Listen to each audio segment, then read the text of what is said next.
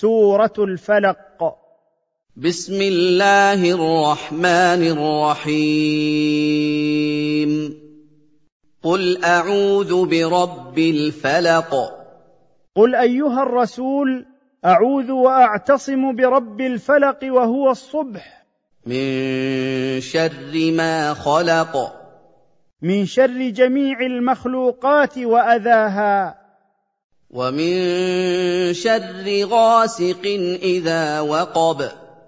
ومن شر ليل شديد الظلمة إذا دخل وتغلغل وما فيه من الشرور والمؤذيات. ومن شر النفاثات في العقد.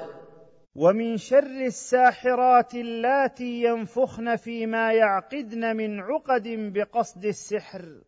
ومن شر حاسد إذا حسد.